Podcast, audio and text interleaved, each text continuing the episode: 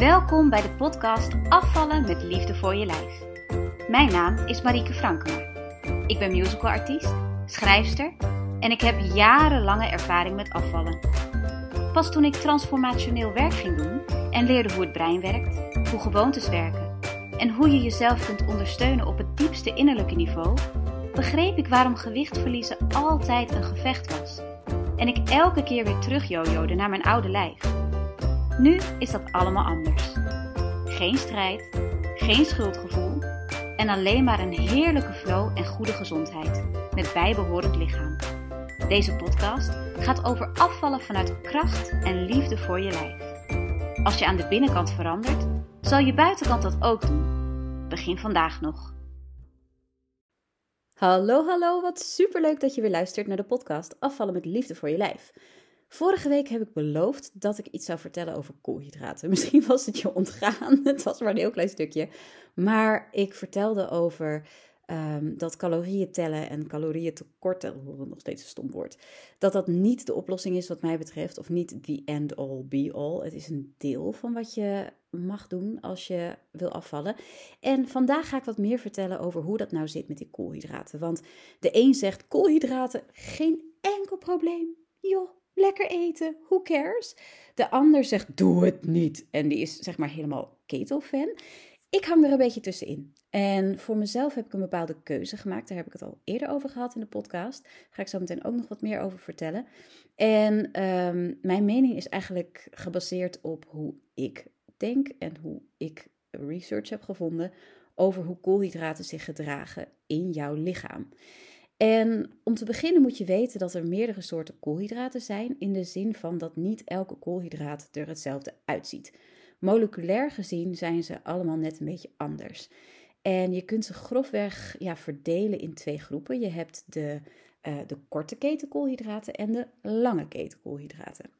De korte keten koolhydraten, zo is echt hmm, bijzonder woord ook, die uh, bestaan dus uit korte ketens. Dat zijn korte moleculen waar um, eigenlijk heel makkelijk afbraak van plaats kan vinden. Want ze zijn natuurlijk kort. En voordat je het weet heb je een, een los mini-koolhydraatje, glucose, wat gewoon hopsa je bloed in kan en jou kan gaan dienen.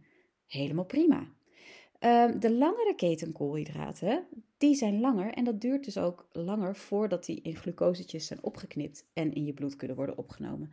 Ook de verwerking daarvan, die gaat dus in, ja, gaat eigenlijk, of nee, niet de verwerking zozeer, ja ook deels, maar de opname ervan, die vindt dus ook op andere plaatsen in je lijf plaats. Want bovenin je spijsverteringsstelsel, daar kunnen die korte ketens al worden afgebroken en kunnen al klein genoeg zijn om door het bloed te worden opgenomen. Die langere koolhydraatketens, die hebben gewoon pas verderop heel die afbraak voltooid en kunnen dan pas worden opgenomen. Wat er gebeurt als jij heel veel korte keten koolhydraten in één keer eet, is dat dat dus heel snel wordt afgebroken en heel snel aan je bloedstroom wordt meegegeven. En dan spreken we van een bloedsuikerpiek. Die glucose, die kleinste eenheid, dat is wat de bloedsuikerpiek veroorzaakt, zeg maar. Dus heel veel glucose zo in één keer je systeem in. Dat is wat voor die piek zorgt. Op zich is een piek niet iets wat je lichaam niet aan kan of zo. Ik bedoel, het is niet echt een heel grote ramp, uh, maar er zit wel eventjes een kleine hiccup. Want op het moment dat jouw lichaam heel, heel veel toevoer krijgt van glucose, wil jouw lichaam dat ook snel weer wegwerken. Jouw lichaam is eigenlijk heel erg gestructureerd en georganiseerd. Die wil het gewoon netjes op orde hebben. Dus ik vergelijk het altijd een beetje met een trein. Op het moment dat een trein moet rijden, heeft hij brandstof nodig. En om even lekker in een ouderwetse kolentrein te gaan denken, zeg maar dat bakje achter de locomotief, die moet vol zitten met steenkool. Of in ieder geval genoeg steenkool om vooruit te kunnen gaan. Logisch toch? Nou, bij een heel hoog bloedsuikerniveau, dus als je echt hoog zit in je glucose, dan wordt dat bakje achter die trein in één keer gevuld. Dus alles wat erbij past, wordt erin gedaan. En dan blijft er een heleboel over. Want door dat enorme overschot in glucose, er past gewoon niet meer bij. Dat bakje, die tender, volgens mij heet dat, ik zal mijn man even navragen, die wordt in één keer afgeladen. En wat er over is, dat heeft geen ruimte meer. Dus zodra jouw spieren en organen vol zitten, zodra jouw uh, cellen, jouw lichaamcellen vol zitten met alle glucose die zij aankunnen, blijft er iets over. En dat wordt heel efficiënt door jouw lichaam weggezet in vetreserves. En dat is dus het gevaar, gevaar van die snelle koolhydraten, van die korte koolhydraatketens, dat het overschot dat, dat ontstaat doordat het zo snel wordt opgenomen, direct wordt weggeschreven, direct wordt weggezet naar je vetvoorraad. En ja, wat er vervolgens gebeurt, is dat jouw treintje gaat rijden. Dus die, die, dat, dat locomotiefje komt op stoom en er wordt koolhydraten worden eruit, of, of de glucose wordt eruit gehaald uit die tender. En er ontstaat opeens een tekort. Maar alle overschot, alles wat extra was, is weggezet in je vetreserves. En omdat het eigenlijk best wel moeite kost voor jouw lichaam, helemaal als je druk bezig bent, is het best wel heftig voor je lichaam om weer zeg maar die vetreserves weer terug om te zetten naar glucose.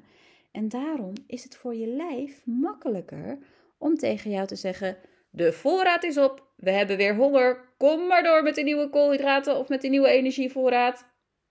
En daar, daar gaat het mis. Of nou, mis. Dat is waarom als je heel veel snelle koolhydraten eet, je ook heel snel weer honger hebt. Want je hebt die piek, er wordt een deel in je cellen gestopt, het andere deel gaat naar je vetreserves. Vervolgens is jouw bloed zeg maar een soort van leeg en jij krijgt weer honger. Ja, dat is dus eigenlijk niet zo fijn iets. Hoe zit het dan als je meer vetten gaat eten en meer lange keten koolhydraten? Nou, dan is die aanvoer van glucose stabieler. Dus in plaats van in één keer die hele tender vol te scheppen, krijgt jou, uh, krijgen die tenders van, van jouw spieren en je organen steeds gewoon een klein beetje voeding, steeds een klein beetje energie. En daar lopen ze dus een hele tijd op. Doordat het zo rustig elke keer weer een beetje wordt aangevuld, omdat er gewoon een constante, relaxte flow is, een relaxte aanvoer, zorgt jouw lijf ervoor dat het gewoon heel vloeiend gaat naar waar het nodig is. En heb je dus veel minder aanwas voor je vetverbranding. En dat is wat mij heel goed bevalt. Dat is wat ik doe. Dat is mijn dieet, zeg maar. Ik zorg ervoor dat ik dus nooit zo'n enorme bloedsuikerspiegelstijging heb, maar dat het de hele dag door zo relaxed een beetje doordruppelt. Waardoor ik niet extreem trek krijg, waardoor ik niet heel veel loze afschrijving heb naar mijn vetreserves en waardoor ik stabiel blijf. Zelfs in mijn hoofd, maar vooral in mijn lijf. Ik bewaar de rust doordat ik mijn lichaam zodanig voed dat ik relaxed en voortdurend voldoende energie heb om te doen wat ik wil doen. Ik heb dus geen last van suikerdips. Ik heb geen last van hyperactiviteit omdat ik die energie wil verbranden. Ik blijf heel stabiel door hoe ik eet. Dat is dus anders dan het uitbannen van koolhydraten. Want het uitbannen van koolhydraten vind ik persoonlijk geen goede zaak. Ik had een vriendin die uh, per abuis op een keto-dieet gezet is, dus echt koolhydraatarm. En daar ging de hele serotonineopname, en serotonine is jouw gelukshormoon, het hormoon dat jou helpt om je goed te voelen, ging helemaal van de wap. Zij schoot echt gewoon zo in een hele diepe depressie, omdat door het gebrek aan koolhydraten haar brein gewoon niet meer goed functioneerde. En ik heb ook uit andere bronnen vernomen dat dat keto eigenlijk, en met name voor vrouwen, ik weet niet precies hoe dat zit, dat moet ik nog achterhalen, maar dat het niet heel fijn is voor je, eigenlijk stiekem, om ja, uh, geen koolhydraten te eten of zo weinig mogelijk. Dus ja, dat, dat is het idee, het systeem achter koolhydraten. Dat je hebt ze nodig. Het is goed, het is een fijne manier van, van energie geven aan je lijf.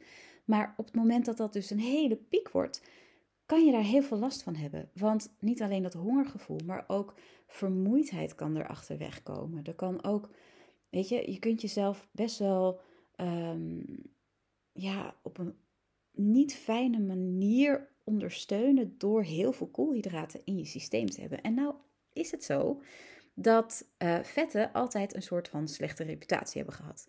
Want men dacht, als je veel vet eet, dan kom je ook aan, want dat vet gaat naar je vetreserves. Nou, je hebt net gehoord dat het zo niet werkt, want ook vetten worden uiteindelijk afgebroken naar glucose. Dat is niet helemaal het verhaal, het is een beetje ingewikkeld, maar ik ga het voor nu even hierbij laten. Vet is niet je vijand. Hm. Suiker is ook niet je vijand. Je moet alleen zorgen dat je dus niet in zijn enorme piek terechtkomt. En er zijn dus heel veel voedingsmiddelen die wel die piek kunnen veroorzaken. Dat is suiker, dat is honing, dat is zoetstof. Ja, echt. Uh, dat is uh, tarwe, dat is uh, witte rijst, dat is um, ja, heel veel melen. Dat is fruit in mindere mate. Fruit, als je sap neemt van fruit, daar is al het extra's eigenlijk uitgehaald. En er blijft eigenlijk alleen nog vocht en koolhydraten en smaak achter, zeg maar. Op het moment dat jij fruit eet, helemaal, dus inclusief de celstructuur en de vezels en de hele rattenplan, dan stijgt je, je bloedsuikerspiegel minder snel. Omdat doordat dat je lijf wat meer moeite heeft om het te verteren. En moeite is in deze zin relatief.